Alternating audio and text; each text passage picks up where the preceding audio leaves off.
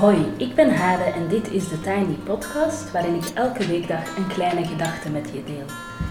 Vandaag is het maandag 30 maart 2020 en dat betekent dat we een nieuwe week ingaan en deze week zullen de ochtendgedachten gaan over gestampte muisjes, introvert zijn, volhouden en ook nog een keer over coronatijd. Maar vandaag gaat het over iets in de wereld zetten iets in de wereld zetten. Het is een uitdrukking die ik voor het eerst hoorde op een vrouwenfestival. Ik begreep ook dat het iets is waar heel veel vrouwen moeite mee hebben.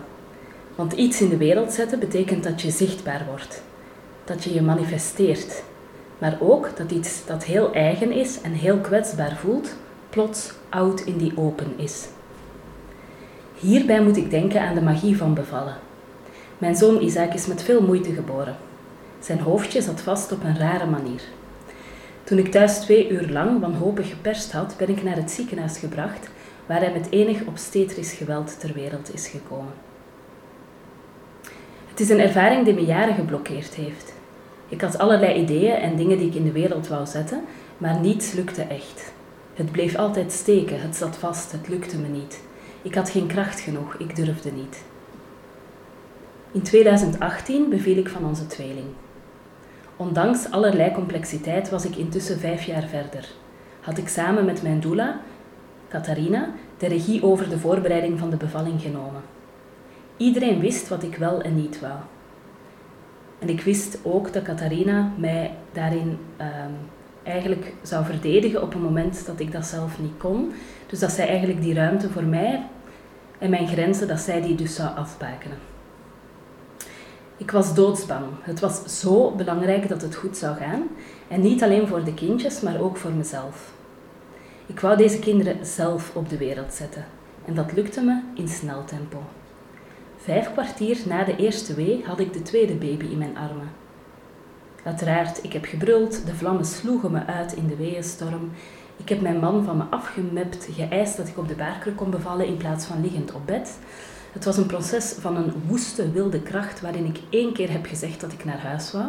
Dat was tussen de eerste en de tweede baby. En dat was niet echt een optie om op dat moment uh, er de brui aan te geven en gewoon naar huis te gaan, natuurlijk.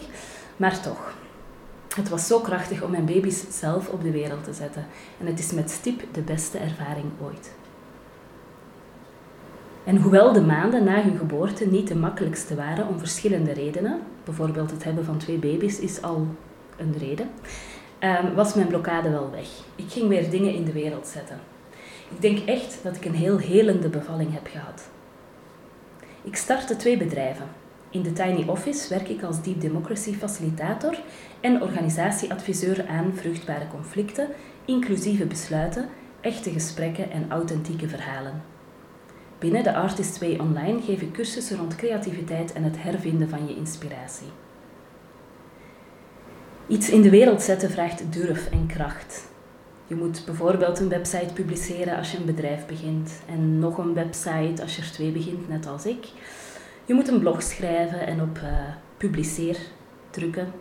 Je moet een maandmailtje maken, een soort nieuwsbrief. Je moet een cursus maken na heel veel getwijfel en gezoek en uh, en afwegen van wat zijn goede opdrachten en wat niet. En uh, hoeveel tijd hebben we en uh, wat willen mensen. En wat zijn de verwachtingen en hoe kan ik dat allemaal managen. Een eerste gratis workshop die ik met heel veel stress ging geven op de open dag van Hart in Haarlem had geen enkele bezoeker. Dat was echt het pijnlijkste moment ooit. Nou ja, met een beetje gevoel voor overdrijving. Ik voelde me heel wat omdat ik op de open dag van het cultuurcentrum een workshop mocht geven als pas gestarte zelfstandige. Ik zat huppelde puppel klaar met mijn kopietjes, mijn flyers, opdrachten, materiaal. En toen kwam er niemand. Echt niemand. Het kon zo een scène zijn voor In de Gloria, voor de Belgen die dat nog kennen, of voor Clickbait om een Nederlands equivalent te zoeken. Ik herinner me, nu ik het aan het vertellen ben, dat er mensen door de gang liepen en dat ik elke keer een beetje rechtop ging zitten van ja, ja, er komt iemand en er kwam gewoon echt letterlijk niemand. Een eerste cursus die ik aanbood had weinig inschrijvingen om hem te laten doorgaan. Allemaal echt pijnlijke ervaringen. Daar had ik het kunnen opgeven en ik had een baan kunnen zoeken, maar toch, toch heb ik doorgezet. Ik heb een nieuwe infoavond georganiseerd, ik heb nieuwe stappen gezet, ik heb een nieuwe cursus gestart, of ik ben een nieuwe cursus gestart. Failing Forward heet dat. Alhoewel ik niet eens denk dat het hier echt om falen gaat, maar meer om gewoon pogingen om dingen in de wereld te zetten en, uh, en ja, kijken of die al dan niet uh, hun weg in de, in de wereld kunnen vinden. Mijn nieuwe cursus, die ik dus na de teleurstelling uh, van de niet doorgegane cursus uh, ben gestart. Die nieuwe cursus kon overigens wel van start gaan en ik heb een fantastische groep cursisten waar ik ontzettend dankbaar voor ben. En ook als journaliste zet ik regelmatig dingen in de wereld. Ik vind schrijven een heel kwetsbaar proces en het is elke keer spannend om een artikel aan respondenten of aan de hoofdredactie te sturen.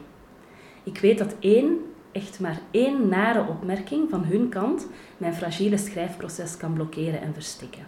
En dat betekent niet dat ik niet tegen kritiek kan, want ehm, goede kritiek en ook goed geformuleerde en goed bedoelde kritiek is, ehm, is altijd uh, goed en steunend. En daardoor voel ik mij ook ernstig genomen als uh, journalist.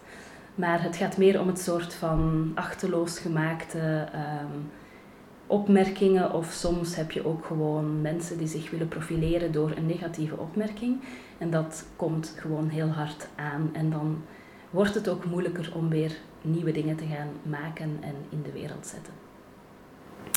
Ook deze podcast is weer iets in de wereld zetten. Misschien zelfs wat directer dan een geschreven tekst, want ik moet praten. Um, en ik zit heel de tijd eigenlijk te worstelen met mijn stem en mijn ochtendstem. En dat ik dan hees ben en dat, uh, dat ik soms moet slikken en drinken en uh, dat soort dingen. Uh, en ik probeer nu ook een beetje losser te komen van mijn voorbereiding en ook een beetje spontaner te praten, omdat het anders ook een beetje raar klinkt allemaal. Maar het is echt zoeken en het is ontdekken en, enzovoort. Ik vind het spannend.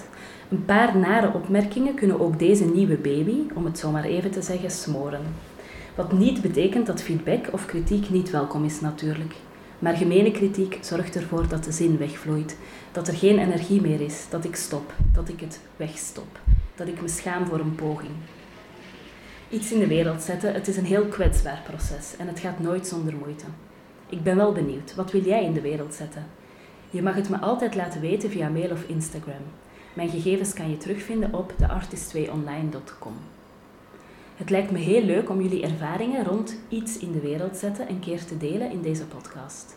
Je mag me dus je eigen verhaal mailen en aangeven of ik het anoniem mag opnemen of met de vermelding van je naam. Alvast dank je wel. En dan heb ik nog twee andere dingen die ik ook graag wil vragen. Um, het eerste ding is dat ik, een, um, ja, dat ik ook op zoek ben naar verhalen over synchroniciteit. Um, en synchroniciteit is eigenlijk uh, de ervaring van toeval die geen toeval is.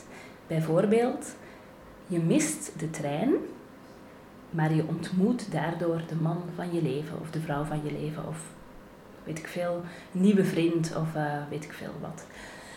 Dus dat soort ervaringen die heel veel mensen in een mooi verhaal wel hebben, um, die een grote rol kunnen spelen in je leven, ook al is het niet maakbaar, ook al heb je het niet zo gepland. Dat soort verhalen zoek ik en ik heb er uh, al een paar heel mooie binnengekregen. En mijn bedoeling is eigenlijk om die verhalen in deze podcast ook um, te vertellen en voor te lezen. Um, al dan niet met vermelding van de auteur, afhankelijk of die persoon dat dan anoniem wil of met de naam. maar ik denk eigenlijk dat in deze tijden van corona dat het wel heel erg fijn is om een beetje magie te hebben in ons leven en daarom wil ik ook heel graag die verhalen delen. En dan heb ik nog een laatste dingetje wat ik ook nog graag wil zeggen. Um, ik heb binnenkort een um, online cursus van een weekje, die eigenlijk eruit bestaat um, dat je elke dag een oefening maakt in, een, in een online omgeving, een soort opdracht, reflectieopdracht of iets maken. Um, en dat je uh, vervolgens ook elke ochtend van maandag de 6e, 6 april, tot vrijdag 10 april, elke ochtend, um, ik denk dat het om 7 uur zal zijn, um, inlogt op een Zoom-meeting waarvoor ik je uitnodig in een klein groepje, waar we dan inzichten delen uit die opdrachten en met elkaar het proces uh, aangaan. Dus het hele idee is dat het dus een uh, heel korte cursus is van een weekje met vijf uh, gesprekken in de ochtend. En um, voor overdag zijn er dan uh, opdrachten, reflectieoefeningen in een online leeromgeving. En het thema van deze cursus is um, hoe je je innerlijke criticus temt. Want net als ik hebben veel mensen een soort van negatief stemmetje in zichzelf dat heel de tijd kritiek of commentaar geeft en waar je ongelooflijk mee kan worstelen. En uh, je kan best wat dingen doen om die innerlijke criticus goed in beeld te krijgen en om, ook, um, om die ook uh, eigenlijk op zijn plek te zetten. En die plek is dat het goed is dat hij je waarschuwt voor sommige dingen, maar dat hij je niet kan verlammen natuurlijk uh, bij wat je in je leven wil doen of wat jou te doen staat. Dus als je zin hebt om daaraan uh, deel te nemen, mag je een mailtje sturen naar hade.theartist2online.com of via Instagram bijvoorbeeld een PM sturen.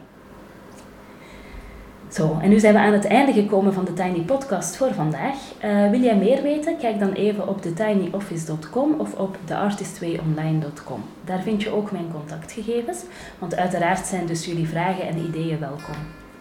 Ik ben ook erg benieuwd naar jullie reacties. Het is leuk als je me gaat volgen op Instagram, TheTinyPodcast. En je helpt me als je een review achterlaat of deze podcast deelt met anderen. Ik wens jou een heel fijne dag. Doei!